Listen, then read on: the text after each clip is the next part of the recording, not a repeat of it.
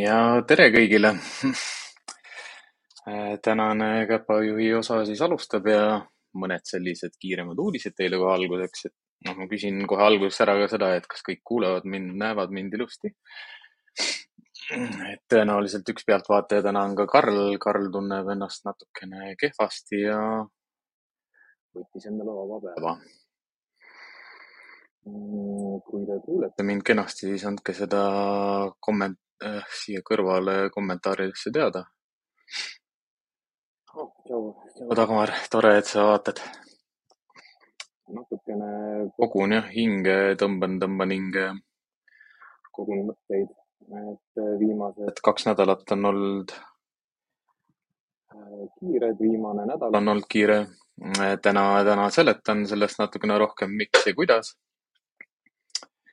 ja teemaks on meil täna üldiselt siis jah see, et äh, kuidas lahendada probleemkäik, käitumist või siis pigem see, et äh, millised, millised on need punktid, millel ma peatun, kui ma käitumismuresid hakkan lahendama.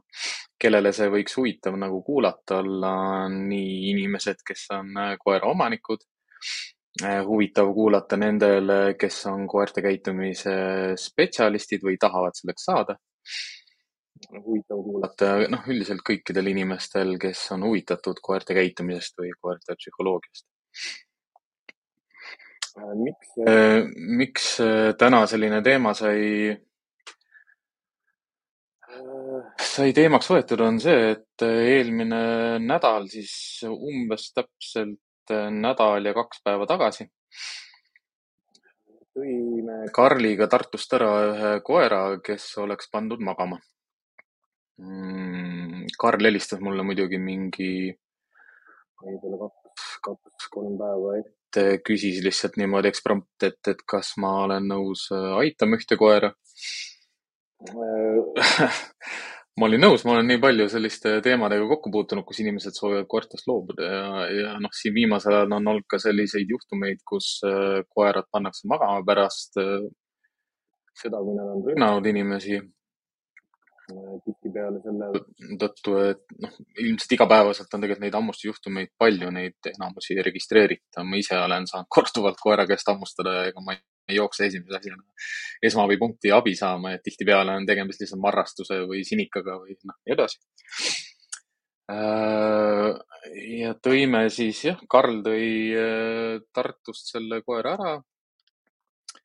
ja tõi minu juurde, ma võtsin ta öösel enam-vähem mingi kella kümne paiku vastu. Äh, ma võtsin meelega kaasa täna selle, et mis tal kaelas oli, kui ta, kui ta kohale jõudis see oga kaelarihm on selle koera jaoks ilmselgelt liiga suur, valesti kasutatud. see koer oli ogarihmaga sinna istme külge kinni seotud, tal oli suukorv peas. suukorvi me ei saanud talt ära võtta, sest ta tõenäoliselt oleks meid rünnanud, ta kartis kõike ja kõiki iseenesest nagu ogarihmad, ogarihm treeninguvahendina on kuskilt maalt äh, rakendatav ja kasutatav, eriti sellistes olukordades, kus koerad on agressiivsed inimeste vastu. aga ogarihma kasutades peab täpselt samamoodi lähtuma sellisest loogikast, et see ogarihm peab olema koerale paras. ehk siis ikkagi suutma püsida kõrgel kõrvade taga või üleval kaela peal ja ta peab olema pidevalt tegelikult nahavastas, ehk siis mõjutus, mis ogarihmaga tehakse, peab olema väga võimalikult minimaalne. ja ogarihma soovitan ainult inimestele, kes oskavad seda treeningvahendit kasutada, et see ei ole päris selline vahend, et ma lähen poodi, ostan ja panen koerale kaela.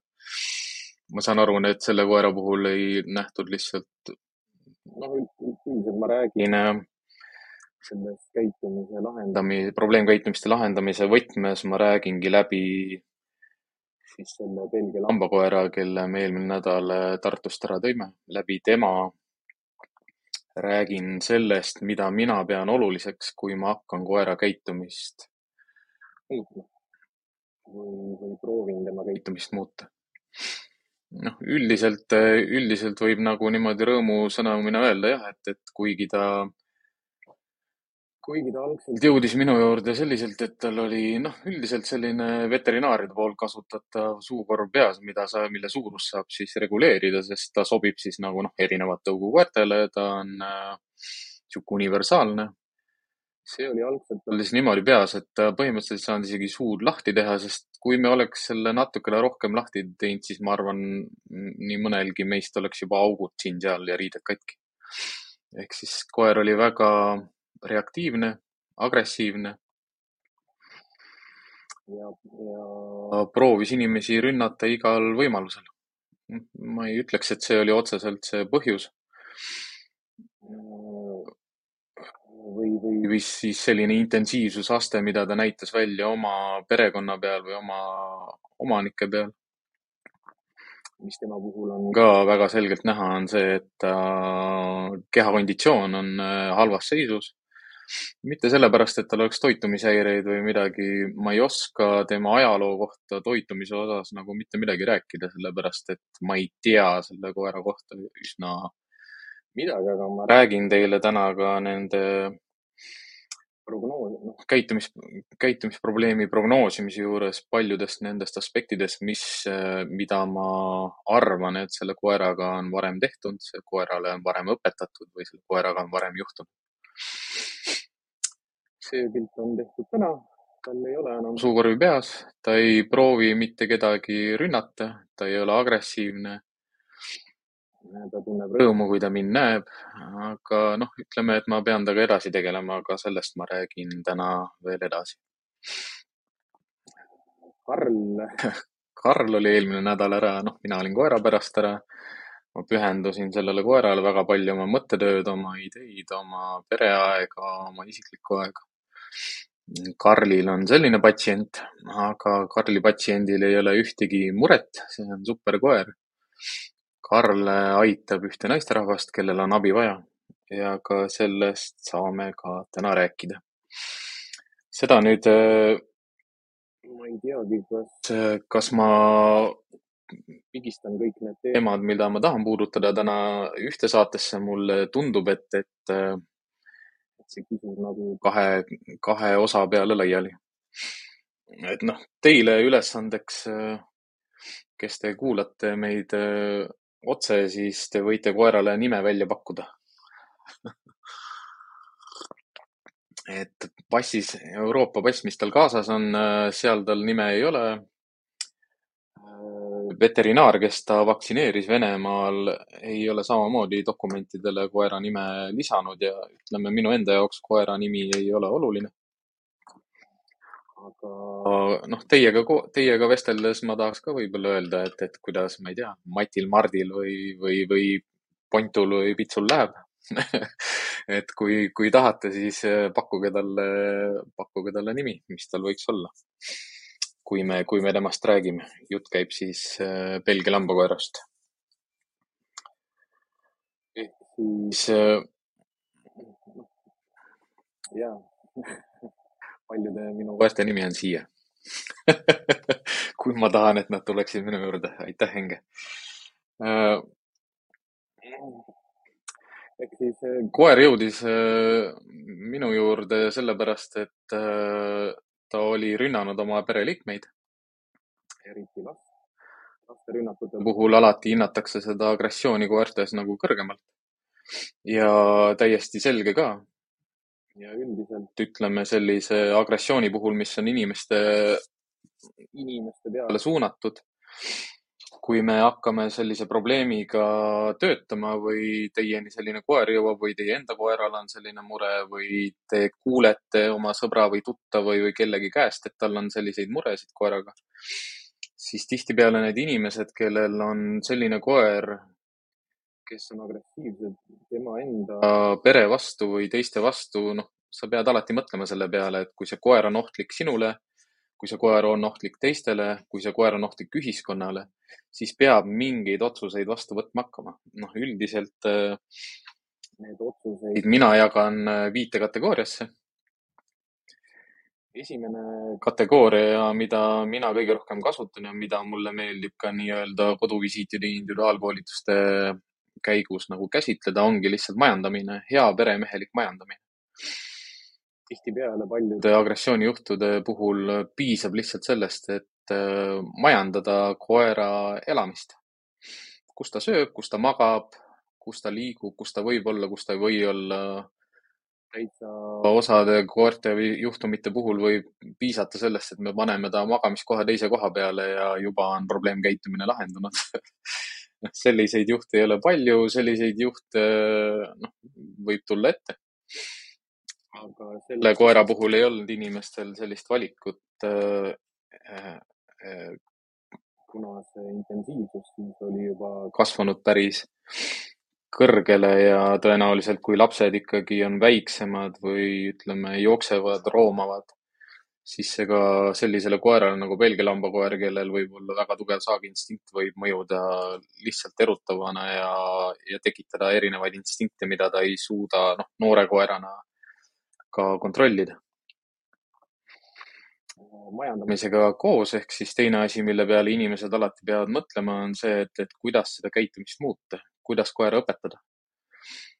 et kui ma olen äh, koera juba majandan mingil määral, ütleme, mul on äh, väravad, aedikud, puurid, eraldi ruumid koerale, võib-olla moodulkennel väljas, võib-olla aedik tehtud välja, et see on minu majandamise viis aga majandamisest ainult ei piisa, et ma pean ka ju saama seda käitumist muuta, kui ma tahan või, või koerale õpetada uut käitumist tasemele.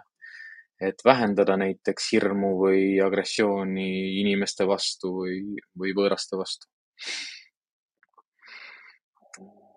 tõenäoliselt inimesed, kes loobusid äh, koerast eutaneerimise jaoks on ikkagi nende jaoks. Liiga raske seda tüüpi, seda, seda, sedamoodi koera käitumist mõista ja seda käitumise muutmist mõista, et, et äh, läheb liiga spetsiifiliseks, liiga keerukaks, liiga ressursimahukaks, liiga teadmistemahukaks, et ei ole lihtsalt sellist teadmisressurssi, ei ole ka rahalist ressurssi, et tellida abi, küsida abi, saada abi ja nii edasi kolmas võimalus, mida mina alati pooldan, on äh, koera ümber äh, paigutamine või siis teise koju või teise keskkonda paigutamine.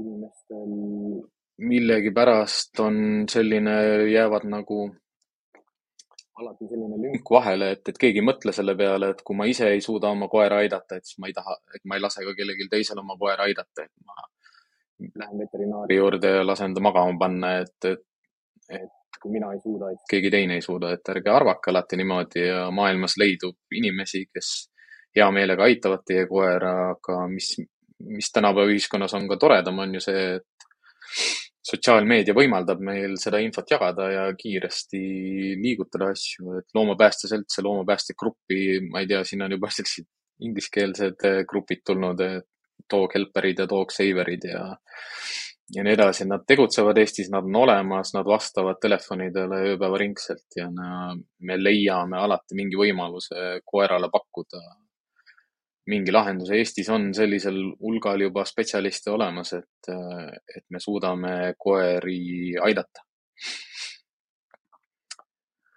noh, siit järgmine, see neljas valik ongi alati jah, käitumisest tulenev eutanaasia ehk siis ma ei ütle, et maailmas on äh, iga koera jaoks lahendus olemas, et selliseid koeri on maailmas täiesti olemas, kelle käitumist ei olegi võimalik muuta.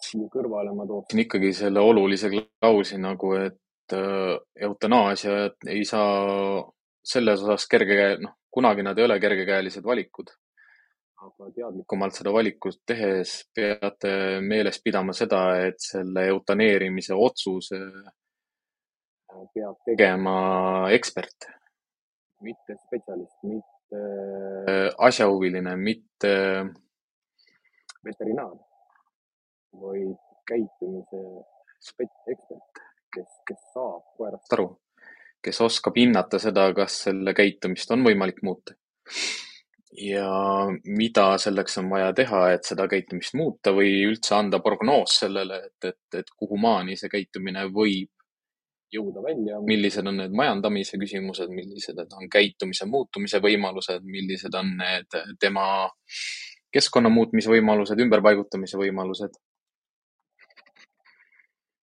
aga jah, ma ei välista üldse, et, et äh, on selliseid koeri maailmas, kes tuleb magama panna selleks, et aidata, noh, aidata no ikka, aidata nii seda koera ennast, aidata neid eh, elusolendeid, kes on ümber tema ja ühiskonda laiemalt. sest tema ellujäämise puhul saab, lihtsalt kannatavad kõik.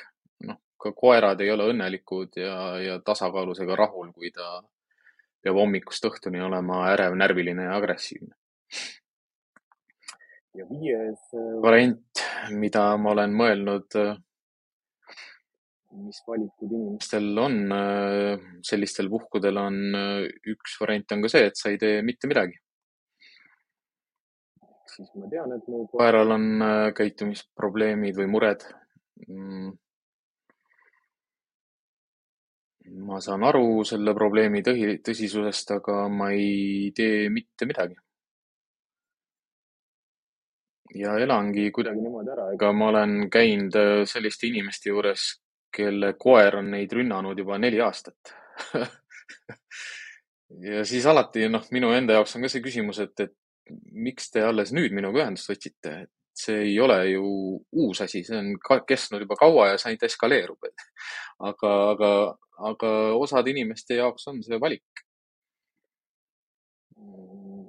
neid valikuid tehakse tihtipeale selleks, et seda infot, mida praegu maailmas on kätte saada, seda on palju. seda tuleb uksest ja aknast, seda saate te internetist ise lugeda, saate raamatutest lugeda, saate sõp-, sõbrad kindlasti nõustavad ja aitavad teid, erinevad treenerid, kelle juures te olete käinud, erinevad kutsikakoolid, kus te olete käinud. igalt poolt te saate nõu ja abi inimeste käest, kes tahavad teid aidata aga nende pädevuses ei pruugi alati see abi, abi peituda. ja noh, ütleme, et ega tänapäeval ongi raske orienteeruda, et kust, kust ja millist abi ma või nõu või teadmist võtan nagu puhta kulla või, või ausana. selleks, et mulle ei tunduks, et ma siin kogu aeg üksinda lobisen, siis pange vahepeal natukene mõned, mõned kommentaarid või, või oma küsimused teele. et kõik küsimused on teretulnud. Mul on selles mõttes jälle raske, et ma olen enda jaoks täna kava koostanud, et kuidas ma samm-sammult edasi lähen teemadega, et kui te siia vahele küsimusi küsite, siis ma saan äh, küsimustele vastata ja, ja samalt maalt jälle edasi võtta ja edasi minna. aga ütlemegi siis nii jah, et, et Äh, probleemkäitumiste lahendamiseks äh, on põhimõtteliselt nagu üheksateist punkti. Need üheksateist punkti ei ole sellised, et mida, mida ma kasutan iga probleemkäitumise lahendamise puhul. ehk siis arvestada tuleb alati sellega, et kõik koerad on erinevad, iga teine koer on eelmisest koerast erinev, iga neljas, viies, kuues koer on erinev nii tema elukeskkond, ta ise, ta tõug ja nii edasi. aga võtan täna need üheksateist, noh, ma ei tea, kas ma täna jõuan, ma alustan täna nende läbi, punktide läbivõtmisega, et kui ma käitumisprobleemi prognoosimisega hakkan tegelema, et mille peale ma mõtlen, millest ma lähtun ja millist abi ja nõu ma ka sellest lähtuvalt inimestele annan mm,? üsna tugevalt lähtun ma praegu siis sellest äh, koerast, kes hetkel on siis minu juures, kes ründas last ja kes tänasel päeval enam ei urise, augu ega hammusta. ja ta jõudis minu, minu juurde nädal aega tagasi. Ehk siis esimene asi, mis alati tuleb selliste agressiooniküsimuste puhul ka, aga ka kõikide muude käitumismurede puhul arvestada, on see, et kui raske on see tulem või see kahju, mis tekib sellest äh, käitumisest, probleemist või murest, ehk siis kui kui ütleme, selline agressiivne koer, kes hammustab, hoiab kinni ja raputab, on suur, suur kahju, raske kahju ja kiiresti vaja reageerida, siis koer, kes pissib tuppa või kutsikas, kes, kes pissib tuppa, et see ei ole selline asi, mille peale me nüüd jookseme, hüppame ja, ja hindame seda nagu nii suure kahjuna. noh, teist, teistpidi võttes jälle, kui, kui hammustatakse last, siis me võtame seda palju suurema kahjuga, kui näiteks koer näksab mingit meesterahvast äh, jalast. Või noh, nagu Karli puhul ka oli, et isegi püksid võivad katki minna, aga noh, jälle me ei vaata seda selliselt, et see koer nüüd tegi väga suure või raske kahju ja meie, meie hinnang sellele kahjule on ka erinev. see ongi oluline, et kui sa käitumisspetsialistina mingitesse olukordadesse satud, juba esimese kontakti ja kõnedega ma hindan ka iseenda jaoks seda kahju, et noh, ma toon näiteks sellise näite, et kui mulle helistab inimene ja räägib, et koer on hammustanud inimesi ja teisi koeri versus mulle helistab inimene, et tal on Chihuahua, kes on rihmas reaktiivne. äh, näiteks ongi see, et see koer, kes hammustas teisi koeri, inimesi, tema juurde ma broneerin aja võimalikult kiiresti esimesel võimalusel ja sinna Chihuahuade juurde ma ei läinudki. ehk siis äh, kui mulle saadetakse selliseid pilte, kus Chihuahuad on pandud jõuluajal nagu päkapikumütsidega riidesse ja nad sõidavad vankrites ringi, ma ei hakka isegi vaevuma sellega, et ma sisenen nende inimeste maailma, sest ma ei taha ka seda idülli nagu ära, ära lõhkuda. ma saan aru, et nendel koertel ei ole halb elu, noh, neil ei, nad koertena ei ole võib-olla tasakaalus, aga nendega ei juhtu midagi, inimestega ei juhtu midagi ja ühiskonnaga ei juhtu midagi küll aga sellise koera puhul, kes ründab inimesi ja teisi loomi, selle puhul on vaja kiiresti reageerida ja see on raske juhtum. ja selle hinnangu lõpliku annan ikkagi mina, mitte inimene, kes mulle esialgse hinnangu annab. elu on õpetanud nii palju või noh, praktika on õpetanud nii palju, et tihtipeale paisutatakse probleemid suuremaks, kui need on ja teistpidi tegelikult on ka selliseid olukordi olnud, kus, kus probleem selgub alles koha peal ja mina hindan hoopis teisi asju, kui üldse inimene mind kutsus. mis probleemi inimene kutsus mind lahendama ja mis probleeme ma läksin lahendama. ehk siis prognoosimise puhul, ehk siis me prognoosime seda, kas probleemkäitumine kaob ära või laheneb, ongi oluline see, kui intensiivne see on ja kui suur see kahju on, mis on tehtud. et see annab äh, suure sellise pildi ette, et, et kas me suudame seda probleemi lahendada, et äh, see koer, kes mulle Tartust toodi, tal oli suukorv peas, ta ei ole tänase päevani mind kordagi hammustanud, ta ei ole mind esihammastega katsunud, ta on mind ninaga nüginud, ta on proovinud hammustada, ta on nurisenud, ta on haukunud seda ma ei taha isegi nagu ette kujutada, et mis oleks siis, kui tal ei oleks suukorvi peas olnud või mis oleks saanud siis, kui noh, ma ei oska koeri majandada. tema majandamise küsimus oligi see, et, et suukorv jäeti talle pähe. ta magab ja elab puuris, ta jalutab rihmas, noh ja ta ei ole eluruumides selliselt, et, et inimesed kogu aeg saalivad ta eest läbi, ehk siis ma majandan teda selliselt, et tal on hea rahulik olla.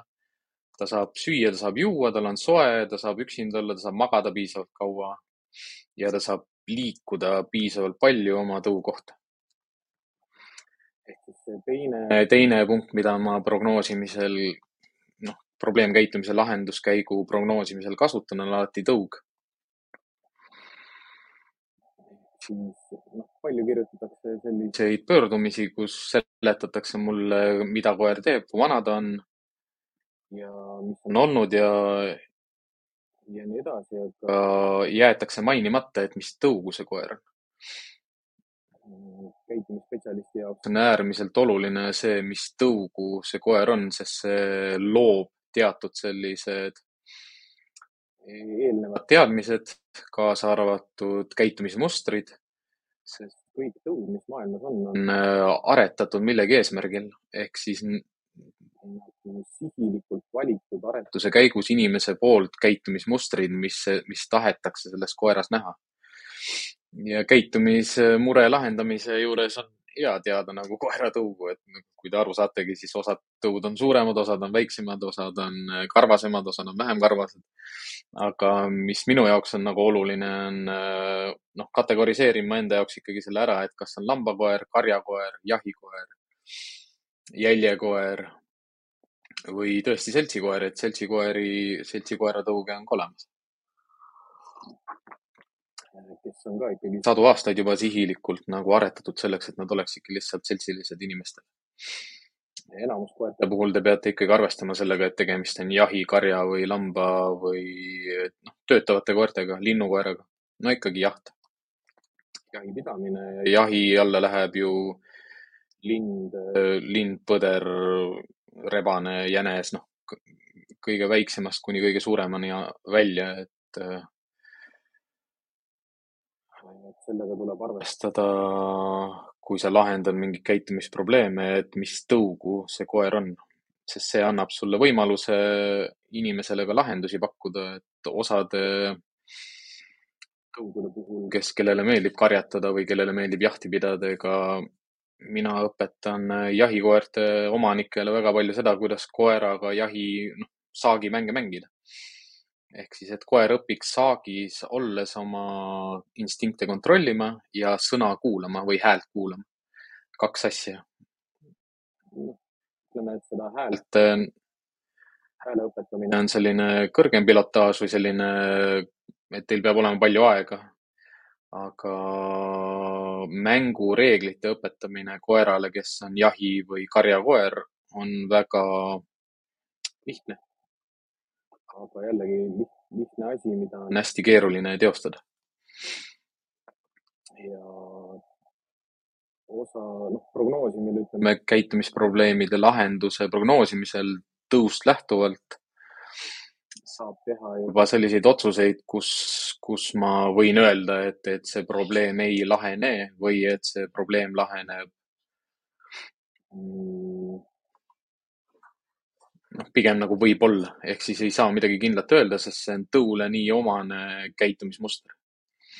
noh, ma ei räägi tuppa pissimisest ja kakamisest, ma räägin rohkem karjatamisest või tagaajamisest või tugevast saagiinstinktist või asjade jah, kinnipüüdmisest, haaramisest, raputamisest. et Belgia lambakoera puhul, kelle me Tartust ära tõime, tuleb kindlasti lähtuda sellest, et ta on keskmiselt raskem tõukel käitumist lahendada, kuna nad on kiired, nad on targad, nad õpivad kiiresti. ja tihtipeale on neil ka väga hea saagiinstinkt ja tugev saagiinstinkt. ehk siis, mis see takistab nagu käitumisprobleemi lahendamisel, ongi see, et äh, võib-olla ta vajab keskmiselt rohkem liikumist ehk siis noh, jalatallad on ümmargused, selg on haige. Äh, nad on targad ehk siis nad on õppinud, kui ta on kahe poole aastane, noh, see koer on kahe poole aastane, ta on õppinud elu jooksul juba väga palju erinevaid asju, mida ta ka oma käitumises välja näeb, näitab ja vanema koera puhul ümberõpe võtab palju kauem aega kui, kui, kui teiste koerte puhul, aga noh, see on lihtsalt belglase selline eripära, et ta, ta on kiire õppija ja nad õpivad ka valesid asju väga kiiresti. aga õnneks nad õpivad ka õigeid asju väga kiiresti, et noh, sellest tuleb ka lähtuda kolmas asi, mis prognoosimisel või, või lahendamisel nagu kaasa, kaasa aitab, jah, on osa sellest, on äh, koera vanus. koera vanus öö, mõjutab väga palju seda, mis probleemiga on üldse tegemist ja kui tõenäoline on, et see probleem laheneb kiiremini, keskmiselt, aeglaselt või mitte üldse. et kui noh, kui tegemist on äh, kolme, kahe, kolme, neljakuuse kutsikaga, siis tõenäosus, et see probleem laheneb kiiresti, on, on kiire. kui tegemist on aasta või pooleteistaastase vanuse koeraga, siis on tõenäoline, et see agressioon või reaktiivsus rihmas on tekkinud ikkagi arenguliste eripärade tõttu, ehk siis noorte koerte hirmuperiood ja puberteediperiood jäävad täpselt sellesse perioodi. ja õppimine on äh, pidurdunud sellepärast, et nad tihtipeale on kõrges instinktis või kõrges erutuses, mis takistab neil õppimist. ja noore koera puhul, kes on saavutanud sellise oma noh, ütleme füsioloogilise arengu sellise tõusupunkti, ta võib olla nii kiire, nii erutunud ja nii kõrges instinktis, et jah, ta õppe, õppimisvõime on pidurdunud aga üt- ja noh, mis, mis nüüd siit kahe poolest aastast ja kahest aastast edasi läheb, on see, et kuskil kuni viienda eluaastani on koerad endiselt veel üsna plastilised, aga noh, õppimine võtab ikkagi tunduvalt kauem aega kui noorte koerte puhul või kutsikate puhul. ja seitse pluss juba, noh, minu jaoks ei ole seal mingit erisust üldiselt ma ei vaata koeri selliselt, et õppimine on lõppenud, et kui on seitse pluss kaheksa aastased koerad, et nad on täpselt samamoodi õp võimelised õppima, aga lihtsalt nende elupagas on nii suur, et, et seda raamatut nagu lahti võtta, läbi lugeda ja aru saada, see võtab palju kauem aega, sest nende käitumismustrid on hästi komplekssed juba. ja noh, tegelikult selle juurest jõuamegi neljanda, neljanda punkti juurde, mida käit-, käitumise lahendamise juures jälgin, on äh, koera varasem sotsiaalne ajalugu. ehk siis sotsialiseerumine või see, kuidas ta on sotsialiseerunud. ehk siis sisuliselt kõik see, mis ta on maailmas elades õppinud, aru saanud, äh, teab, oskab ja, ja, ja käitub. koera käitumises on ju enamus tegelikult seotud tema sotsiaalse ajalooga. see, mida ta õppis kutsikana, see, mida ta õppis äh, teismelise eas, see, mida ta õppis vanemas eas, mida ta õppis naistelt, mida ta õppis meestelt, mida ta õppis teistelt koertelt, kas ta üldse on neid näinud, mida ta on õppinud teistelt loomadelt, mida ta on õppinud oma elukeskkonna kohta, kui palju ta kasutab nina, palju kõrvu, palju silmi selleks, et äh, selleks selgitada seda, mida ta näeb ja kuuleb. või noh, mida ta on pidanud kogema elu jooksul. et sotsiaalse ajaloo, ajaloo hulka kuuluvad ka kolimised lahkuminekud, äh, surmad, haigused. Mm.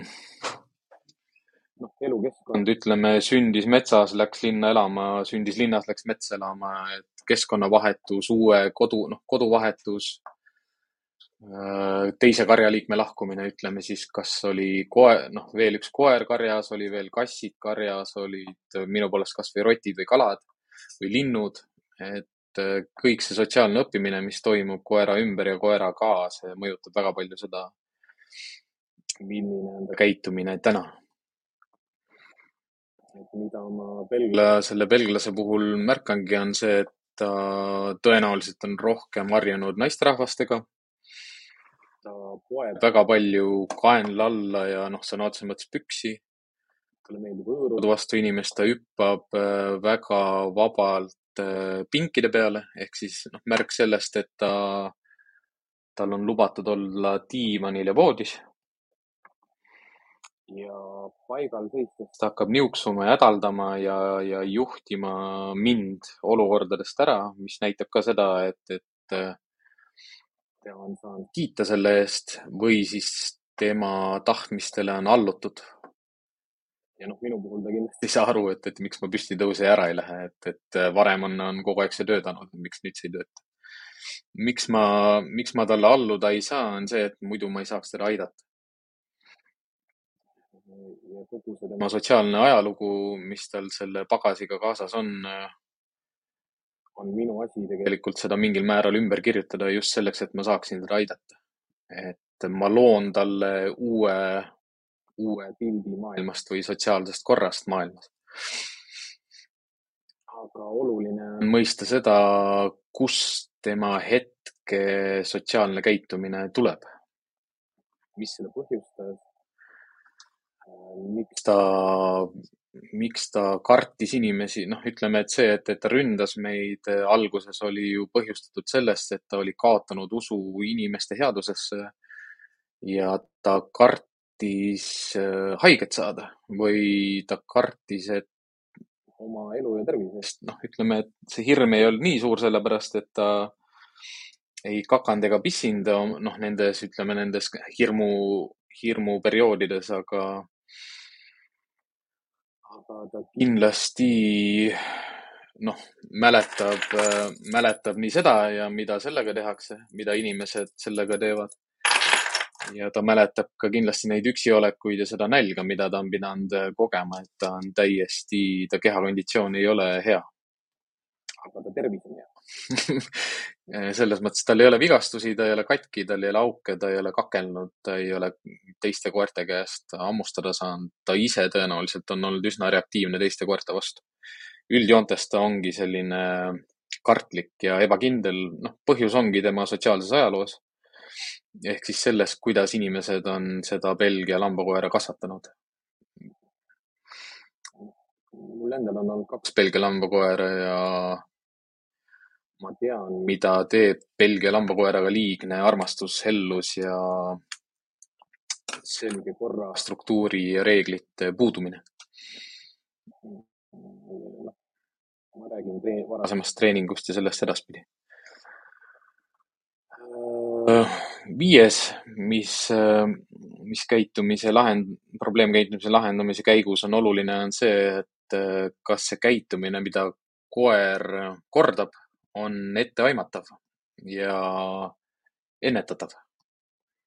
või noh, ütleme ette ennustatav ehk siis mm, tuppa pissimist on nagu lihtne niimoodi näha, koerad hakkavad nihelema, ringi käima, osad hakkavad kraapima, osad hakkavad haukuma, osad küsivad välja. noh, minu jaoks ei ole vajalik, et koer välja küsiks ja ütleme, kui ma ei suuda ennustada seda, et koer võib järsku rünnata, siis see muudab ju käitumise lahendamise palju raskemaks, kuna see käitumine ei ole ette ennustatav.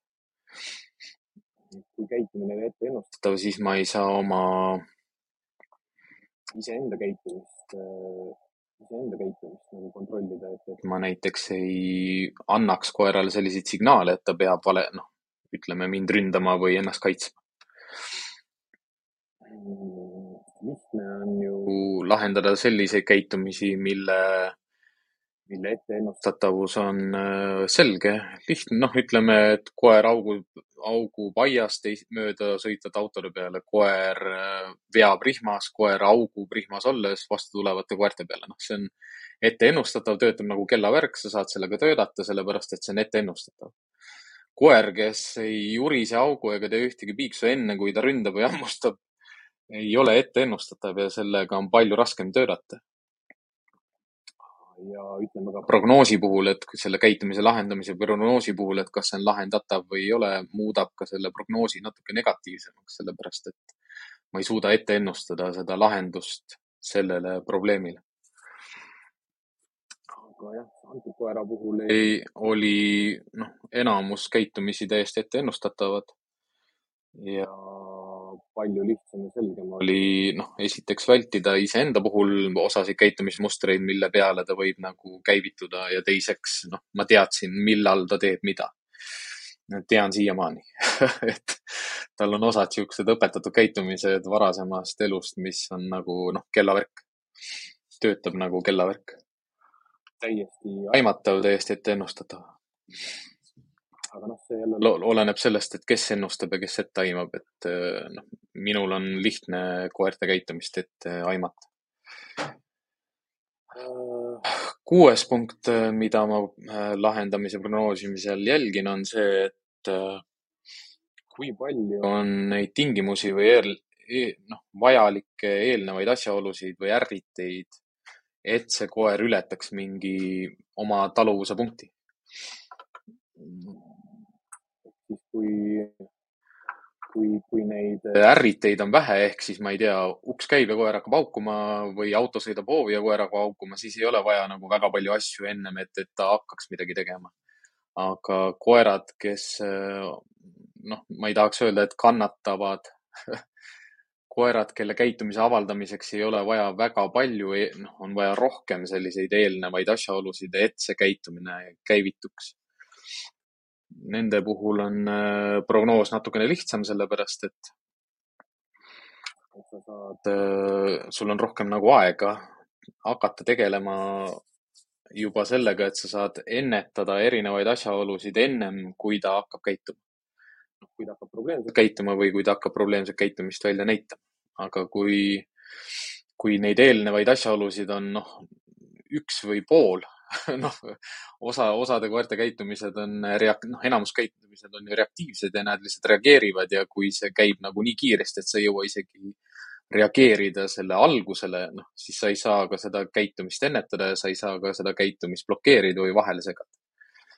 et see teeb kindlasti käitumise lahendamise prognoosi ka negatiivsemaks, kui mul on vähe aega, et reageerida, et tema käitumist blokeerida.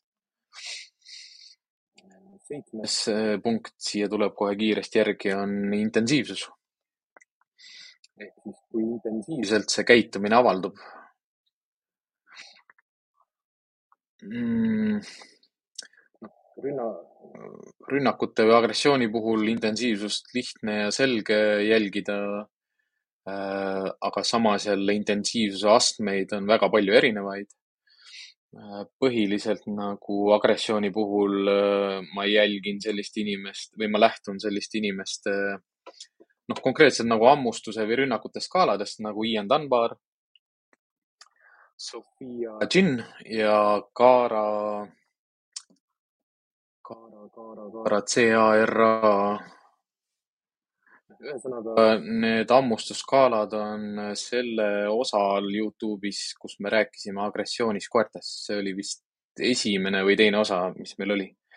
et seal alt äh, teabe, videoteabe alt leiate need kolm skaalat üles, et ma panin sinna lingid et intensiivsuse ja hammustuse intensiivsuse puhul äh, see, et äh, mingi väike koer on inimesi nelikümmend korda hammustanud, aga see hammustus on olnud lihtsalt see, et ta urises ja liikus ja katsus lihtsalt hammastega, mitte ei hammustanud kokku, mitte ei hoidnud kinni, ei hoidnud kinni, ei raputanud, ei lõhkunud nahka ära et sellest intensiivsusest saab alati lähtuda seda, et, et kui lihtne või kui lihtne või kui tõenäoline on paranemine, et see enam ei korda, et see käitumine enam ei korda. Noh, samamoodi igasuguste tuppa pissimiste, kakamiste või peale hüppamiste või, või haukumiste puhul, et, et kui haukumine on väga intensiivne, siis tõenäosus, et see laheneb kergesti, ei ole väga suur, aga kui see haukumine on noh, näiteks ma ei ütleks intensiivne, ma ütleksin, et seda, et kui koer näiteks reageerib mingile häälele, noh näiteks plaksule või nipsule, et ta haukumine lõpeks, siis see intensiivsus ei ole suur. kui see koer on selline, et ta haugub ja mitte miski teda ei peata, siis see on intensiivne ja seda on raskem lahendada. ja mis tihtipeale nagu on selline kitsaskoht nagu inimeste jaoks, kes otsivad lahendusi oma probleemidele. Ongi see, et sellised haukumised, kraapimised, vedamised, hüppamised, näksamised, et eh, paljud inimesed lihtsalt tunnevad häbi selle eest, et nende koerad eh, selliseid käitumisi noh, välja näitavad. samamoodi neil on teatud hirm, et, et mida see koer võib teha, siis leitakse selliseid võimalusi, kus selle koeraga lihtsalt liikuda sellisel ajal, kui, kui tei-, noh, selline käitumist ei avaldu ja noh, kolmandaks ta on üsna ebamugav nagu omanikule, kui, kui sul on selline haukuv, kraapiv, vedav, hüppav koer. ütleme, et äh, selliseid asju noh, intensiivsust, äh, koera käitumise intensiivsust äh, koera käitumisspetsialist saab väga kergesti hinnata ja anda hinnanguid. Äh, mitte sellisel juhul, kui ta on näinud vähe koeri ja tegelenud väheste koertega ta kogemus on lühikene, aga kui sul on ikkagi korralik pagas nagu selja taga, kus sa oled näinud sadu, sadu, sadu koeri, siis hinnata mingi koera käitumise intensiivsust on palju lihtsam. ja prognoosimise puhul ongi ju lihtsam noh, tihtipeale seda prognoosi ma loon ju iseendale, mitte kliendile, et kliendile ma pakun lahenduse, iseendale ma loen, loon selle prognoosi, et kas see käitumine on parandatav ja see intensiivsus on üsna selgelt äh, väljapaistev ja väljaloetav, aga oluline selline punkt, millest me lähtume, kui me hakkame käitumisi lahendama. ja noh, edasi ongi kaheksas punkt, et äh, kui noh, ütlemegi, ongi kõik need see käitumise aste on raske, see tõug on keeruline, see koer on vanem, tal on raske sotsiaalne ajalugu, ta käitumine ei ole ette ennustatav. ta hammustab ilma ette hoiatamata, ta on üsna intensiivse selle käitumise juures. siis kaheksandaks ongi see küsimus, et kas see käitumine on üldse maajandatav. või juhatatav ehk siis hinnata seda, kui tõenäoline see on, et ma suudan seda käitumist majandada. Noh, majandamise all võib ka olla selline, et see koer on, elabki noh, aedikus ja teda söödetakse aedikus ja teda ei lasta välja aedikust ja tema elukeskkonda mõjutatakse seal aedikus olles ja, ja kasutatakse näiteks teisi koeri või inimesi, et teda, talle tutvustada teisi koeri ja inimesi ja talle näidata teisi koeri ja inimesi selliselt, et ta ei ületa oma taluvuse piiri. ja noh, ütleme selle belglase puhul, kelle me Tartust ära tõime, tema majandatavus oli algselt minu jaoks midagi sellist, mida ma kunagi varem tegema ei ole pidanud ehk siis ma ei ole kunagi koerale suukorvi pähe jätnud. aga minu jaoks oli see ainukene võimalik lahendus tema käitumisprobleemi lahendamiseks. Mitte sellepärast, et tõenäolisus, et ta meid hammustab, on suur, vaid tõenäosus, et mina kardan seda koera rohkem, kui tal ei ole seda suukorvi peas, on suurem kui see, kui tal ei ole seda suukorvi peas. ehk siis inimese hirm on ka see, mis toidab koera käitumist ja teine majandamise küsimus oligi see, et äh, kus ma teda hoian. tänase ilmaga tuppa ma teda tuua ei saa, sellepärast et ta hauguks iga kord ja uriseks, kui inimesed liiguvad. Tõenäoliselt ma ei saaks öösel magada. ja ka tema ei saa rahulikult olla. mis oli hea selle koera puhul oli see, et äh, temaga oli täiesti super jalutada ja noh, siiamaani on super jalutada, ta ei ta ei vea rihmas, ta allub äh, rihma parandustele, noh, ma ei jaluta ogarihmaga, ma jalutan oma rihmaga, oma rihmadega, äh, täispoova treeningrihmaga. Ta on juhitav, ta on majandatav, ta on õpetatav ja ta õpib kiiresti tänu oma tõule, ta on Belgia lambakoer. teda on hea majandada, sest ta kehakaal on kuskil kolmkümmend kuni kolmkümmend viis kilogrammi selles vahemikus prognoos siiani on endiselt väga-väga lootustandev ja hea, et, et ta käitumismured lahenevad. noh, kui arvestada seda, mis oli alguses ja mis on täna ja nüüd, siis see on nagu öö ja päev ja see on nädalaga saavutatav. noh, tema puhul oli see nädala ajaga saavutatav. kui te oma koerte käitumisi või, või klientide koerte käitumisi hakkate jälgima, prognoosima või muutma, siis soovitan mitte kunagi panna endale sihtmärki või lõpp-punkti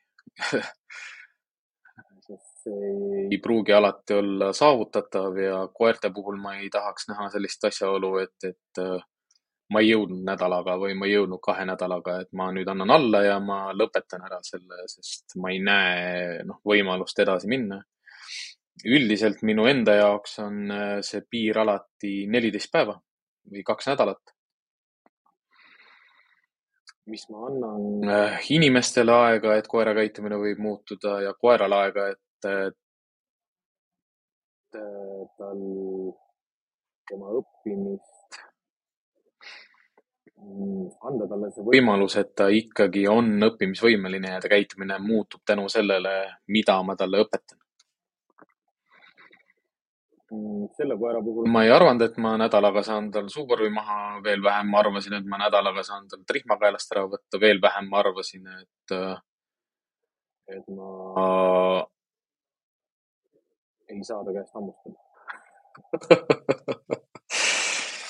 Aga see käitumine oli majandatav isegi sellises raskes olukorras, kus koer on inimesi juba rünnanud, aga, aga spetsialistid ja eksperdid leiavad majandamisvõimalused.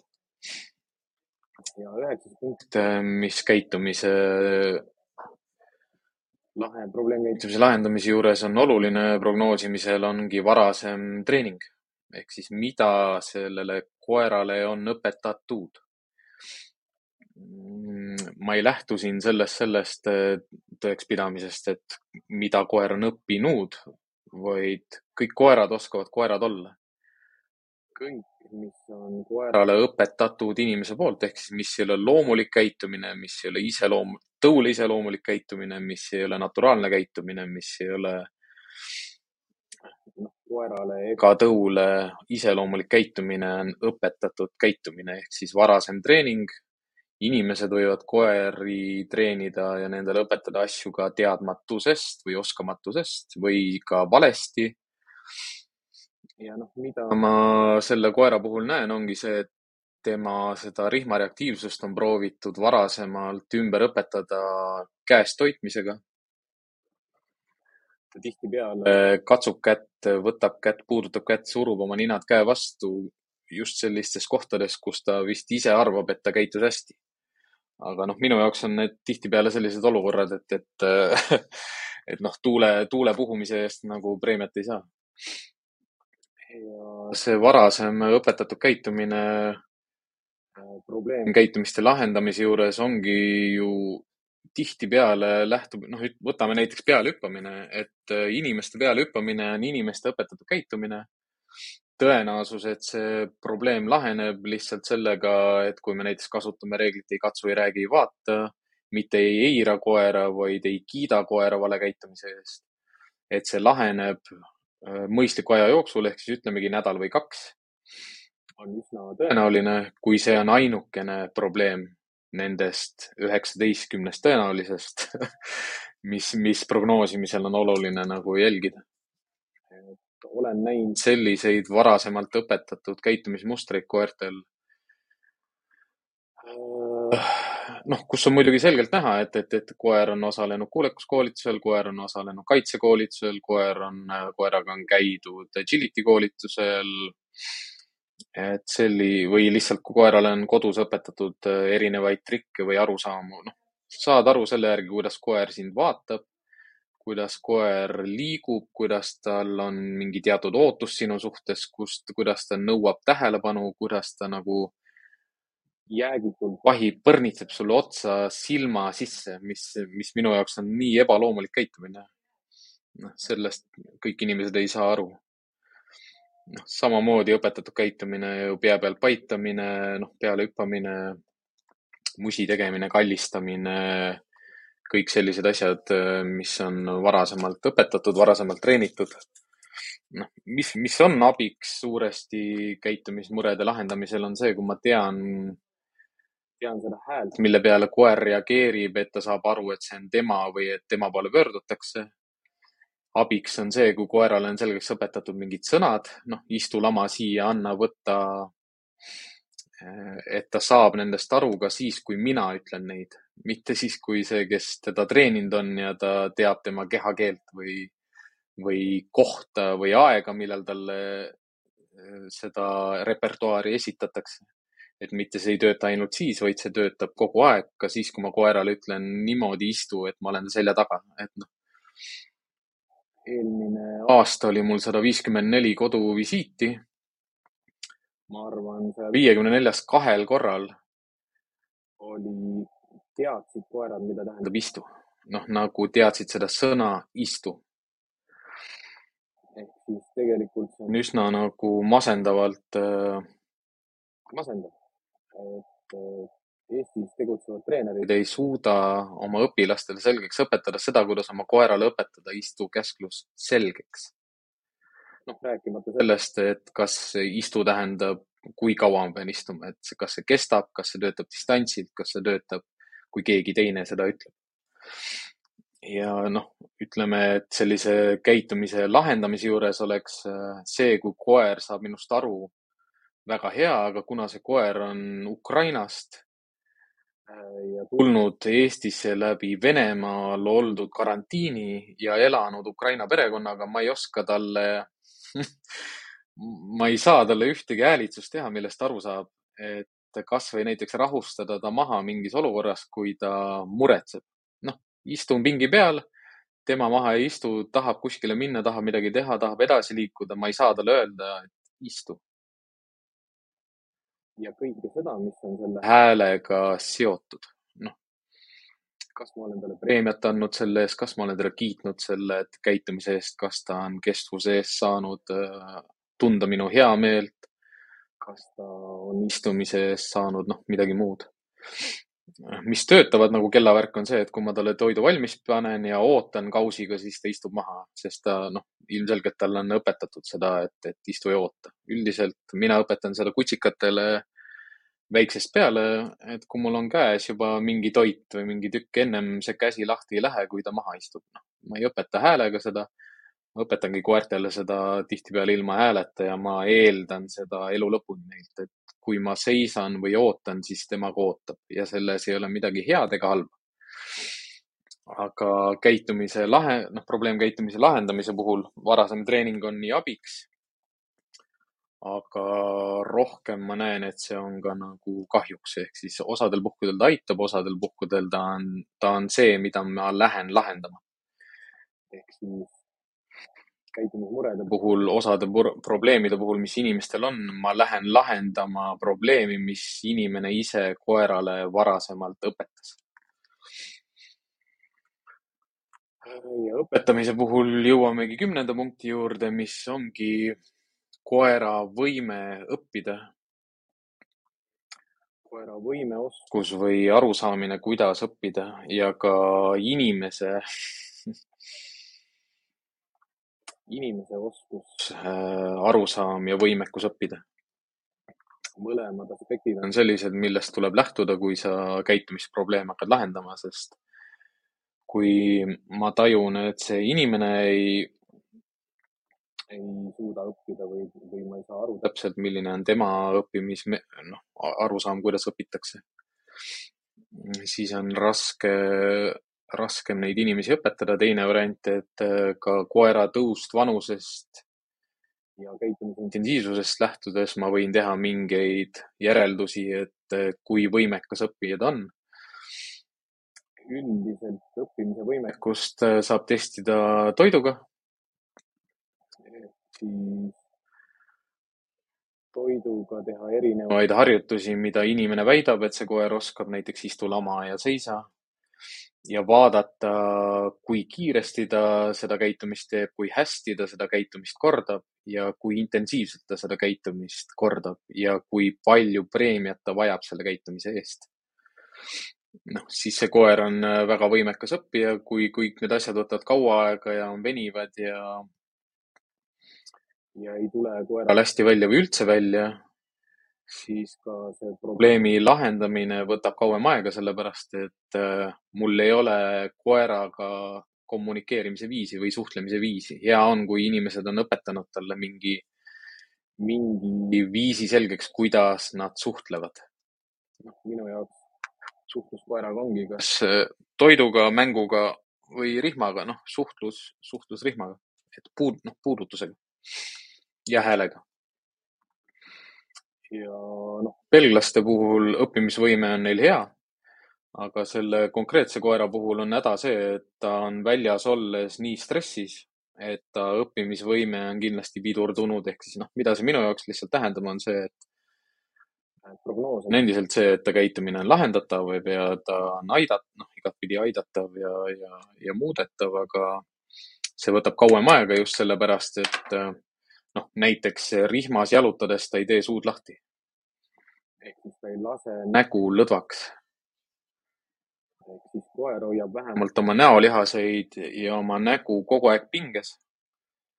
kui ta ei, ma võin temaga jalutada kaks tundi, ma võin temaga jalutada kolm tundi, ta ei tee kunagi suud nagu natukene lahti ja keel ei tule välja suust, ehk siis ta ei hakka jahutama ennast isegi suuga.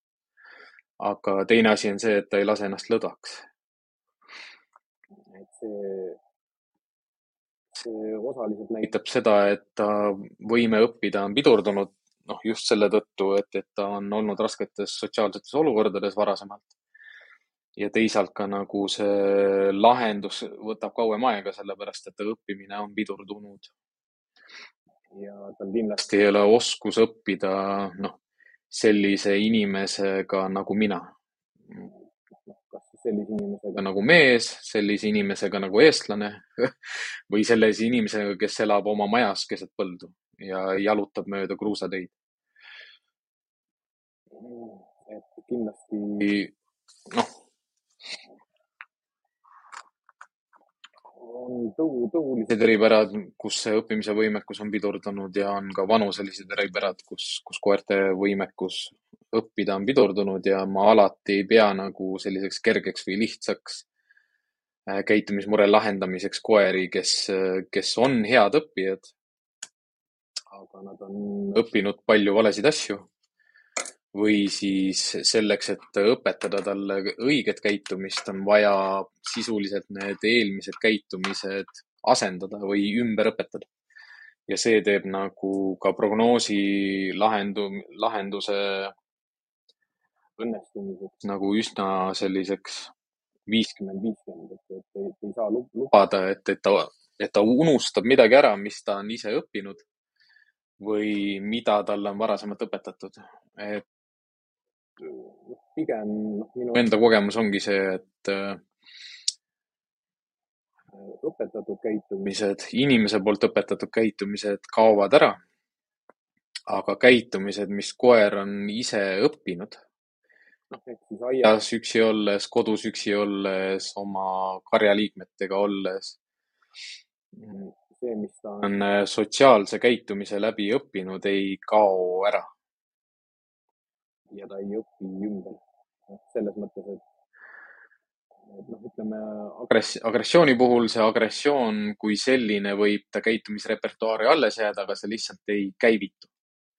sellepärast, et me oskame seda koera majandada, me oskame temaga käituda ja me oskame ise ennast üleval pidada ja oma käitumist juhtida selliselt, et, et ta varasem õppimine ei, noh, ta varasem käit-, õpitud käitumise muster lihtsalt ei avaldu ja üheteistkümnes punkt käitumise, probleemkäitumise lahendamise juures ongi selline oluline punkt nagu need muudatused, mis me oleme sisse viinud või juba noh, ütleme, ma olen kliendi juures käinud, ma olen andnud talle soovitused mingeid asju muuta, koera teistmoodi majandada või siis ma ise muudan mingi koera käitumist või tema tema, noh, ikkagi tema käitumist, õpetan talle uut käitumist ja ma olen proovinud mingit kindlat äh, meetodit või mingit kindlat tegevusmustrit. ja koer kas siis reageerib nendele muudatustele või ei reageeri.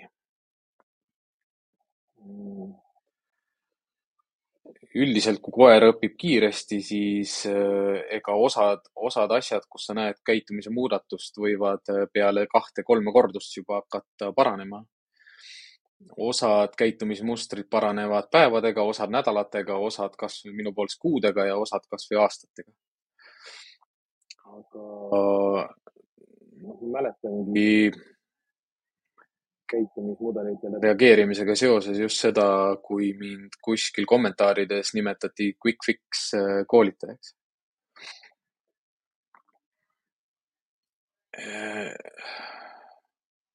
et kui inimesed saaksid nagu sellest aru, et milline,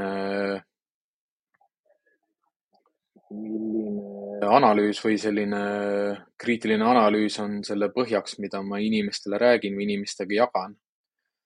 ja kui, kui, kui ma kõikidele inimestele räägiksin ära need asjaolud, mida nad peavad jälgima või, või tegema või arvestama oma koera käitumise muutumisel, siis kaks varianti. A, kas selle koolitus läheks väga kalliks, sest see kestab kaua või B, ma jagan inimesele informatsiooni, mille, millest kõigega tal ei ole midagi teha. noh, ütleme lihtsalt ma külvan ta üle asjadega, mida tal otseselt ei ole vaja teada, sest see ei mõjuta tema koera käitumist. Quick fix'ina võib näha selliseid olukordi, kus me Karliga jalutame koertega et äh, rahulikult ma võin koera majandada karjas positsioonilt selliselt, et ta ei pea enam teatud karjajuhile omaseid käitumismustreid näitama või kordama.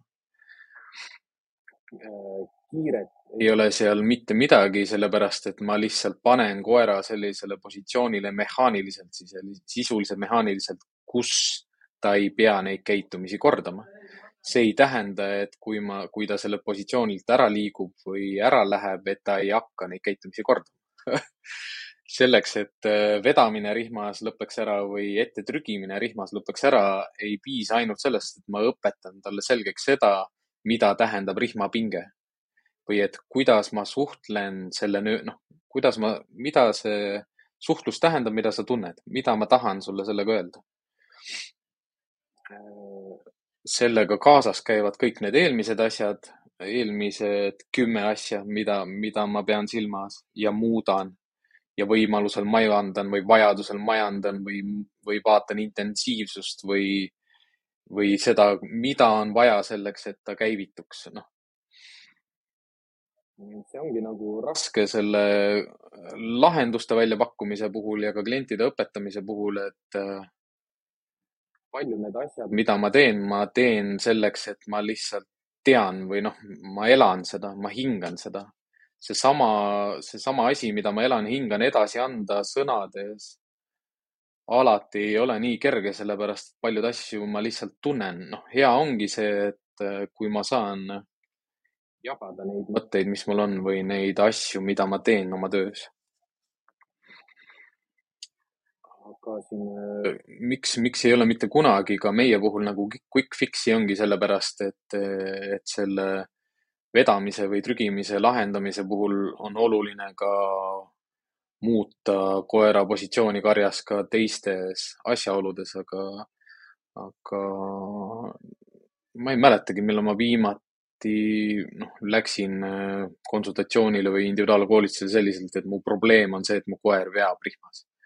Või et isegi kui see oli, siis see kuna, noh, mis ongi naljakas, et, et kaks või noh, ütleme kuskil üks kümnendik kõikidest koolitustest, kus on tegemist vih-, rihmas vedamisega. kui ma lähen kohale, siis me ei lähe jalutama. ehk siis noh, see, see punkt peaks tooma nagu kohale selle, et, et selle, kui koer veab, tirib ja haugub rihmas, siis see ei ole automaatselt seotud ainult sellega, millise vahendiga sa jalutad. vaid see, mida sa kodus teed, kuidas sa koeraga suhtled, millest ta aru ei saa, noh, mänguasjad on laiali, pesa on vale koha peal, joogikauss on vale koha peal äh,. inimesed peres käituvad kõik erinevalt koeraga, koeral ei ole tasakaalu ja nii edasi, noh. Siin ei ole küsimus selles, et kas ogade elekter või, või, või täispoovrihm.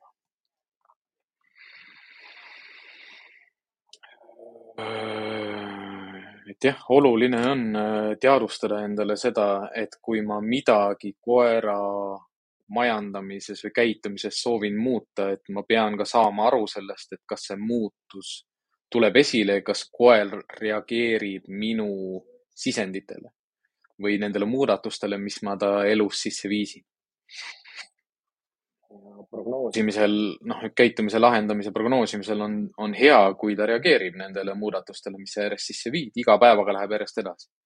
see belglane, kes mu juures on, ta on iga päev teinud nagu suuri edusamme ja ma saan järjest rohkem ta, tema kohta teada, tast aru ja tema arusaamu ka maailmast muuta, sest ma saan temast aru ja tema saab minust aru. ehk siis kaheteistkümnenda punktina lahend-, noh, probleemi lahendamisel ongi oluline teada koera varasemat ajalugu mm,. noh, väga moraalselt eetiline on ka selle vastu huvi tunda. aga prognoosimisel. Aitab mind varasema ajaloo teadmine ainult seda mm, üldiselt mind ajalugu huvitab ainult selleks, et mul on endal inimesena selline kõrgendatud huvi selle vastu, mida inimesed suudavad koertega teha, mida nad suudavad koertele õpetada mis, millest see koer läbi on tulnud. ma ei ütleks, et see varasem ajalugu äh, aitab mind oluliselt, aga ega koerad ei oska niikuinii valetada, ma näen seda varasemat ajalugu koera käitumises niikuinii. aga hea on teada, noh, selle koera puhul kindlasti seda, et ta on toodud Ukrainast, et kui, kui ma oleks toonud ta lihtsalt Tartust ära ja mõelnudki elu lõpuni, et ta on, ta on Eestis sündinud, eestlastega kasvanud. et ma ei tea, et ta on lastega perest pärit. et ma ei tea, et tema selline põhiline kaitsja oli naisterahvas. et seda kõike on mul hea teada ja see on osa lahendusest. ja seda tuleb selles osas nagu arvestada aga ma ei ütleks, et äh, lahenduse prognoosimisel ehk siis see, et, et ütleme jah, et kui see koer on olnud viis aastat võitluskoer, et siis tõenäosus, prognoos sellele, et lahendus tekib, ei ole suur, aga kui koer on kahe poole aastane, need rünnakud, mis tal inimeste vastu on, on olnud lihtsalt äh, hinnanguliselt jubedad, sellepärast et ta ründis, ründas lapsi ta ei ole ühtegi inimest kõvemini hammustanud kui näksanud. ehk siis ta ei ole rebinud ja lõhkunud ja tapnud kedagi. Et ei ole ju see varasem ajalugu selline, mis annaks nagu sellist prognoosi, et see koer noh, ei ole paranemiseks võimeline. Minu jaoks ta ikkagi on paranemine väga võimeline mis ajalugu on, on oluline, mida on hea teada, on noh, ütleme meditsiiniline või selline kehakonditsiooni või koera tervise ajalugu. Mida samamoodi annab, on lihtsalt see, et kui ma tean, et äh, noh, ma ei tea, tal on düsplaasia või tal on mingi krooniline haigus või, või silmad jooksevad või tal on seedimisega mingi haigus või tal on hotspot või või käpad katki või küün ära murdunud või noh, mingi selline krooniline haigus või krooniline puudus. ja noh, ütleme, et see ei olegi ju kauge ajalugu, see võib olla ka lähiajalugu, et kui mul on mõni selline koer, kelle pea on arme täis ja ta nimi on Killer, siis ma ei paneks sellele ikkagi nagu noh, nii suurt rolli, kui kui sellele, et ma tean, et äh, sellel koeral on äh, olnud just mingi, noh, ütleme, et tal on äh, kõhuhäda või tal on mingid seenemisprobleemid või tal on mingi nahahaigus või mingi lööve kuskil ja, ja ma ei pööra sellele tähelepanu, et, et tal on ebamugav ja ma ei pane sellele nagu rõhku käitumismure lahendamisel. või üldse, noh, ma ei hakkagi ennem muret lahendama, kui see meditsiiniline mure on lahendatud või meditsiiniline ajalugu on minu jaoks selge ja teada ka see aitab mul prognoosida seda, kas see probleemkäitumine laheneb või mitte, et tihtipeale sellised kroonilised haigused võivad olla sellised, mis ei, mis ei võimalda selle mure lahendamist, aga kindlasti rohkem. edu on sellistel koertel, kes on nooremad, kes on äh, pidanud võib-olla ka seda siis haigust tajuma või kandma nagu vähemat aega. Ja noh, kolmandaks veel see, et kui see on mingi hotspot või mingi toitumisest tulenev äh, häda, siis noh, see on ikkagi mingi aja jooksul lahendatav ja ära kaadatav ja noh, ütleme, kui need on ka mingid hammustused või, või õmblused koeral või mingi noh, sellised, ütleme, et ta murdis jala või väänas välja midagi. ka see laheneb pikapeale, et, et esimest korda, kui ma lähen ja ta kaitseb ennast, ta võib kaitsta oma valusat kohta aga nädala pärast või kahe nädala pärast tal enam see koht ei valuta ja käitumine väheneb. aga noh, mis ongi, mis ongi käitumismurede puhul nagu üks noh, punkt, mis sinna sisse tuleb, et eh, koerad õpivad ennast kaitsma ka asja, noh, ka hiljem, kuna teda on näiteks kiidetud või lohutatud selle eest, et tal on valus või siis ta õppiski ära, et inimesed lähevad tast eemale, kui ta näitab hambaid või uriseb. Osad koerad tunnevad ennast nagu noh, hästi, kui inimesed annavad neile ruumi, enamus koerad tunnevad ennast hästi, kui nende noh, personaalsesse või isiklikku ruumi ei tungita. aga kui nad hakkavad seda intensiivsemalt äh, välja näitama ja ja juurde ja juurde õppima seda niimoodi, et kuidas inimesi eemal hoida ja, ja mis töötab selleks, et inimesi eemal hoida. osad koerad võivad seal pöörduda selle peale, et nad nende käitumine intensiivistub, sellepärast nad on juba täitsa veendunud, et inimesed ei saa neid aidata, kõik inimesed on nõrgad ja ma peangi neid endast eemal hoidma, et nad ei tee mulle kunagi midagi head. noh, halb selline või noh, hea näide ongi sellest see, et, et ma viin koera kogu aeg näiteks veterinaari juurde selleks, et tal on vaja seda haiget käppa puhastada, uus plaaster panna, võib-olla uued õmblused panna ja iga kord, kui ma veterinaari juures käin, siis see kogemus tema jaoks on raske, ehk siis talle pannakse suukorv pähe, teda hoitakse kinni, talle tehakse haiget. pärast inimesed äh, on äh, noh, madalas emotsioonis, lohutavad, nutavad, võib-olla on emotsionaalselt äh, lagunenud. koera jaoks raske olukord ja keegi teda ei aita ka, ta võib muutuda agressiivsemaks juba tänu sellele, et, et see olukord oli halb ja need inimesed pärast olid teistsugused et sellepärast ongi oluline just selliste meditsiiniliste vigastuste või haiguste või ka ütleme, kehakonditsiooni halvenemise puhul jälgida seda, et, et mitte vaadata seda küsimust kui probleemi või muret, mis vajab kohenemist, kohest lahenemist, vaid prognoosida seda, et kui kaua võiks võtta aega see, et see probleem laheneks, et sel koeral hakkaks pikas perspektiivis parem. ja kui tõenäoline see üldse on, et tal parem hakkab.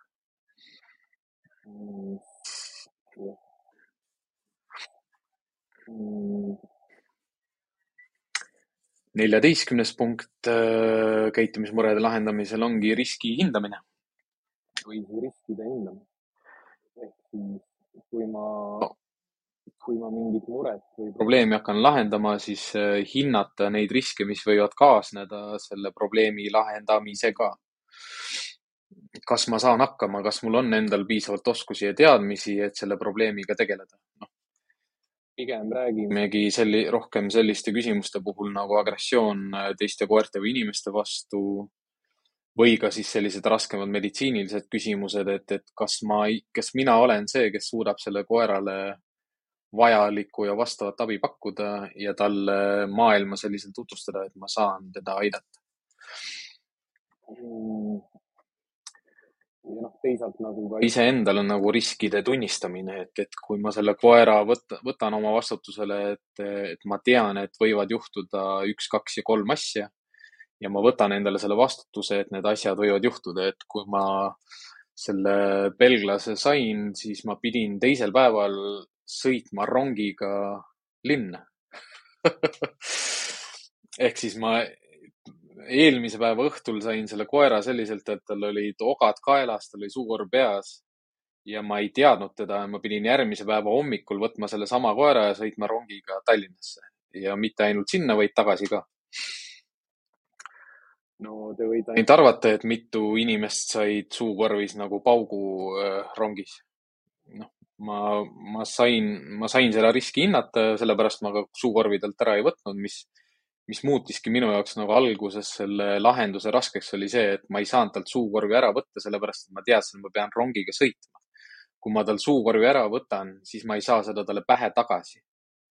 siis ma ei saa rongiga sõita, kui ma rongiga sõita ei saa, siis ma ei saa Tallinnast talle süüa osta, kui ma talle süüa ei osta ei saa, siis ta ei saa süüa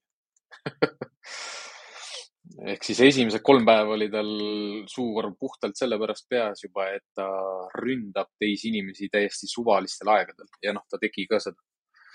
aga keegi viga ei saanud, ma võtsin selle riski.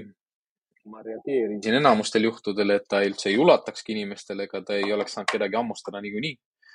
ja isegi kui inimesed said selle paugu kätte, siis noh, kuna ma ise suudan jääda rahulikuks tihtipeale sellistes olukordades, siis ma vabandan ja seletan inimestele miks see nii läks, miks see koer nii käitub. ja mis ongi hea Eestis, on see, et, et enamus inimesed saavad aru. või noh, kui nad ei saa aru, siis nad vähemalt mõistavad, et see koer ei ole lihtsalt suvalise inimese käes, et see koer on kellegi käes, kes teab koeri. Ah, viieteistkümnes punkt, mis on äh, minu, minu jaoks kõige keerulisem äh, asi, mida ma näen koduvisiitidel, on see, et milline on selle perekonna dünaamika ja koostöö. ehk siis see perekond, kus koer elab. milline on selle pere dünaamika? mees teeb ühtemoodi, naine teeb teistmoodi, noorem laps teeb kolmandat moodi, vanem laps teeb see, noh, neljandat moodi ja noh, seda viiendat ma ei näe, sest ta on praegu ülikoolis ja kui ta tagasi tuleb, siis ta ei tea sellest mitte midagi. Ja see perekonna dünaamika lööb nagu noh, isegi lahenduse prognoos ehk siis sellesse prognoosi, et kas see mure laheneb või ei lahene, sellise sellise osa sinna sisse ka spetsialisti jaoks, et, et mina tajun, et see koer on võimeline paranema, aga ma ei taju seda, et sinu mees on võimeline paranema. Hästi häid kogemusi olnud, kus ma esimesel kohtumisel on elukaaslane täiesti noh, klapp ees, ei huvita, mida sa räägid. okei okay,, ma tulen, ma tulen kaasa, ma teen kaasa, aga ma ei kuula, ma ei õpi mitte midagi, ma ei taha. noh, tegelikult mind ei huvitagi üldse, et siin oled. ja lähed kaks nädalat hiljem ja, ja see, kes on sinule rohkem keskendunud, on mitte enam see naisterahvas, vaid see meesterahvas, sellepärast et ta kahe nädalaga nägi koera käitumises selliseid muutuseid, et ta hakkas sinusse uskuma ja ta tahab veel teada. ja tema oli see, kes leppis sinuga uue aja kokku. ja seda tunda nagu on äh, noh, nii hea, kui terve perekond pühendub sellele, et selle koera käitumist muuta. ja noh, see ei pea olema mitte midagi suurt, see võib olla siuksed labased, lihtsad asjad nagu noh, ma ei tea, koer varastab laua pealt sööki. et noh, mida teha ja kuidas käituda. Kui kõik perekonnas ei mõista seda ühtemoodi, siis selle koera käitumise muud, noh, lahenduse prognoos on nagu kaduvväike. hästi äge perekond on üks äh, Mastiffi, Mastiffi omanikud, kas, ma ei tea, kas ta täna ka kuulab meid et kui, kui ühes majas elab kolm põlvkonda, siis kujutage ette, milline milline tsirkus see on, et, et, et käitumismured koeral lahendada et sa seletad noorele, noh, X põlvkonnale, sa seletad Y põlvkonnale ja sa seletad selle beebibuumi põlvkonnale ja sa seletad teise maailmasõja põlvkonnale, et kuidas koera käitumist muuta. et nad kõik panna koos töötama ja noh, minu jaoks see on nagu palju suurem nagu raskus kui, kui see, et kui intensiivne see käitumine on või kui milline, mil-, mida inimesed siiamaani on suutnud koerale õpetada. et see dünaamika on vaja kindlasti tööle saada ja terve pere peab selle nimel töötama, et koera käitumine muutuks. noh, see on vajalik selleks, et see muutuks ja et see prognoos oleks positiivne. kuueteistkümnes asi, mille peale tuleb äh, probleemi lahendamisel mõelda, on ressursid ja noh, ma ei räägi praegu koera käitumise kontekstist või karja korjakäit-, karjakäitumise kontekstis, vaid ressursid, mis on inimesel olemas. ehk siis inimese enda ressursid. inimese aeg, inimese raha. Äh, toit, mida koer sööb, millist toitu ta sööb, kui tihti ta sööb, millal ta sööb. Äh, kas see on vajalik, kas seda on vaja muuta, kas toit peab olema midagi muud? millise veterinaari juures ta käib, kas ta käib veterinaari juures, miks ta veterinaari juures käib? Milline on see keskkond, kus ta elab, ehk siis ressurssidest tingitult see koera elukeskkond. kas, kas sellel inimesel on võimalik kasutada koera hoiuteenuseid, kas sellel inimesel on võimalik kasutada koera hotelliteenuseid, kas sellel inimesel on olemas kodus jooksulint, kas inimene saab soetada treeningvahendeid, mida, mida ma soovitan tal osta koera kodu lähedal on veekogu, kas on ujumisvõimalused, kas on rattasõitmisvõimalused, kas on rulatamise, rulluisutamise võimalused. kas see koer elab linnas, maal, aiaga piiratud alal, aiaga piiramata alal, noh ja nii edasi ja nii edasi, et ressursid mõjutavad alati väga palju seda, kas probleem laheneb. ja osad äh, käitumismurede lahendamised võivad nõuda väga suuri nii isiklikke ressursse kui rahalisi ressursse see koer, kes mul praegu, praegu probleem käitumise lahendamisega minu juures on, temale mul ei kulu palju ressursse, sest ma olen ju koerte koolitaja, mul on rihmad, kausid, puuri, noh, puuri ma laenasin ühe oma hea kliendi käest. õiges suuruses puuri, väiksemaid puure mul on, sellises suuruses puuri mul ei olnud toitu ma saan odavamalt tuttavate kaudu. et mul ei ole suuri selliseid rahalisi ressursse. mul on kõige suurem kadu ongi mul see pere, pere ja, ja, ja paarissuhte ressursid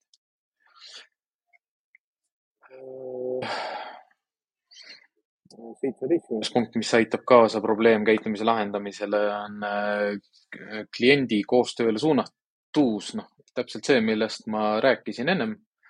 aga mis on ju küsimuseks tegelikult iga probleemkäitumise lahendamise juures.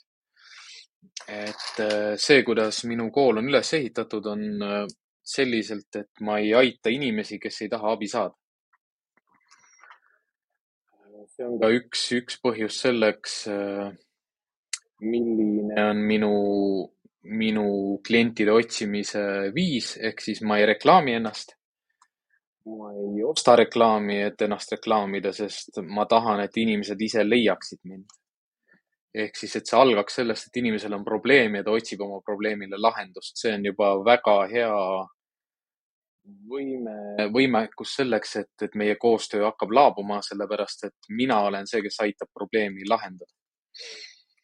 kui, kui me räägimegi sellistest koolitusplaanidest, kavadest või reklaamidest või, või, või noh, sellistest suurtematest reklaam, reklaamkampaaniatest, siis selle miinusteks ongi see, et, et teile söödetakse teadmisi, teadmisi sisse, ütleme, et ega see podcast on ka mõnes mõttes ju selline, kus ma lihtsalt, mina räägin, teie kuulate, võtke vastu.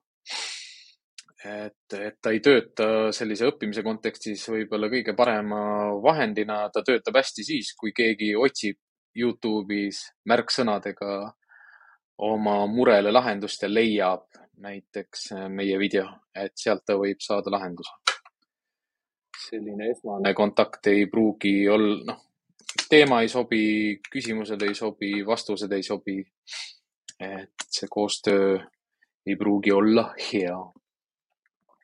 aga see on äh, prognoosi puhul oluline. ehk siis koduvisiitidel ma alati hindan seda suhteid klientidega väga kõrgelt ja seega määrab oluliselt selle, et, et kas see prognoos ka käitumismure lahenemiseks on, on hea. sest kui osad kliendid ei tee koostööd, siis mina ei võta seda vastutust, et see probleem laheneb.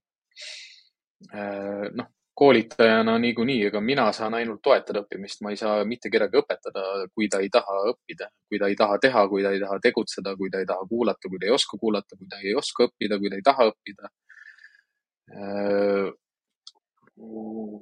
ei ole prognoos hea, kui inimesed on kaugel olevad, eemal olevad ja ei suhtle ei suhtle, ei kuul-, ei esita küsimusi äh,. kaheksateistkümnes selline punkt, mis prognoosi puhul on väga oluline, on äh, minul või siis inimesel, kes tahab probleemi, käitumisprobleemi lahendada, tema, tema nagu abiliste kättesaadavus, et inimesed, kes saavad teda aidata ütleme osade puhul lihtsalt noh, et kas mul on ligipääs koera jalutajatele, osade puhul, kas mul on eh, head tuttavad kuskil hotellis, kas mul on mingi lemmik päevahoid tekkinud kuskil. kas mul on mõni tuttav koerte koolitaja, treener, kas käitumisspetsialist. ja minul kui käitumisspetsialistil noh, sama, et, et kas mul on selliseid ressursse, kuhu ma saan koera jätta, kuhu ma saan koera viia milliseid treeningsaale ma saan kasutada, kellele ma saan helistada, kui mul on mingeid vahendeid vaja. kas ma tean pakkuda klientidele nagu lahendusi nende piirkonnas, et noh, mis ongi hea, et kui ma Harju ja Raplamaa maal töötan, et mul on ka selline arusaam eh, ja teadmine erinevatest piirkondadest, eh, kus on teatud võimalused olemas, kus ei ole teatud võimalusi. aga noh, sellest tulenevalt ma pean ka seda lahendust, mida ma pakun, alati muutma ja üheksateistkümnes ja viimane punkt ühtlasi ka on, on selline asi, millega mina tegelen väga palju ja millega kõik koerte omanikud, kes proovivad lahendusi ja kes oma noh, seda armsat, armsat kaaslast oma elus proovivad aidata, see on see emotsionaalne pagas. või siis ka selline emotsioon, emotsionaalne pott või, või see, et mis mul on, see noh, see pank või panga, pangakonto nagu, mis on mul mis on mul kasutatav nagu, et kui, kui palju ma kannatan, kui palju ma lasen sellest ennast häirida, kui palju ma ennast segan sellest, mis mul on, et koera aidata. selle belglasega, kes me Tartus päästsime, tema abistamiseks olen ma kulutanud väga palju oma emotsionaalsest pagasist ja teisest küljest ka väga palju võidelnud iseendaga, et, et mitte talt seda suukorvi ära võtta, et mitte talt veel rihma kaelast ära võtta, et mit-, noh. ta on käitunud osadel päevadel ju, noh, ta on mu juures olnud kaheksa päeva, aga noh, ütleme seal neljandal-viiendal päeval juba oli täitsa niimoodi, et noh, võta või suukorv ära, sest ta on nii tubli, aga noh, ikka ütle talle endale, et suru oma emotsioon alla. et see, see suur selline tuhin ja rõõm võib võib viia sind mitu sammu tagasi, kui sa nüüd selle teed. lihtsalt emotsiooni ajel. noh, teine kõik see asi selle juures ja probleemkäitumiste lahendamise juures ongi see, et need õnnestumised võivad tekitada nii palju rõõmu, et sa võid selle õnnestumise najal teha suure sammu tagasi.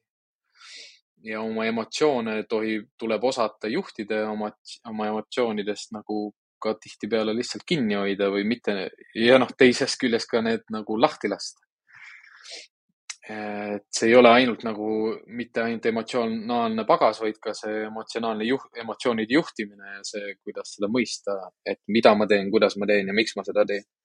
Ja teeme me ju seda kõike ikkagi nagu noh, siiratel, ausatel, moraalselt eetilistel eesmärkidel.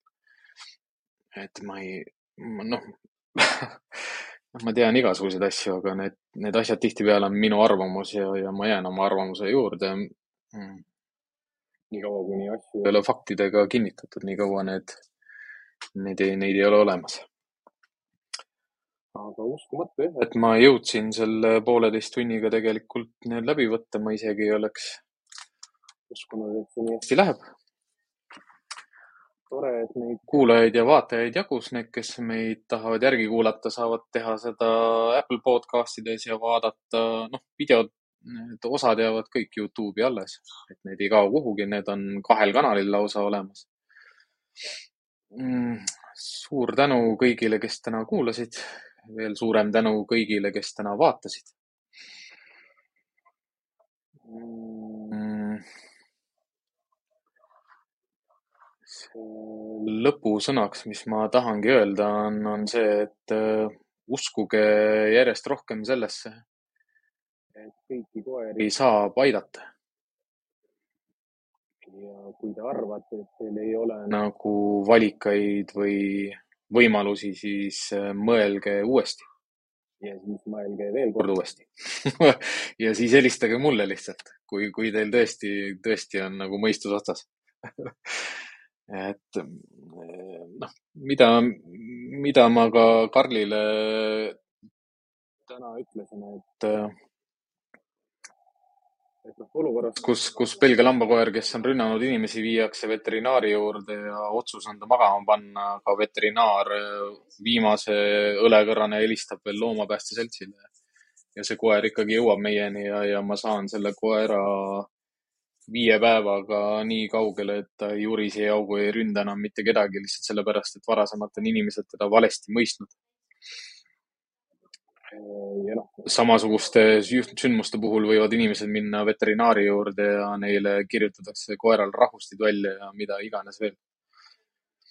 et see on tõesti sihuke äh, minu jaoks nagu populaarteaduslik või ma ei oskagi kuidagi seda nimetada, et, et, et, et kõik, mis praegu särab ja hiilgab, seda kõik peavad kohe tegema see näitab ikkagi sellist madala lau laubalusust ja, ja, ja mitte sellist kriitilise analüüsi võimekust või ka kriitilise sisu analüüsi või kriitilise teksti analüüsi võimekust nagu osadel spetsialistidel Eestis.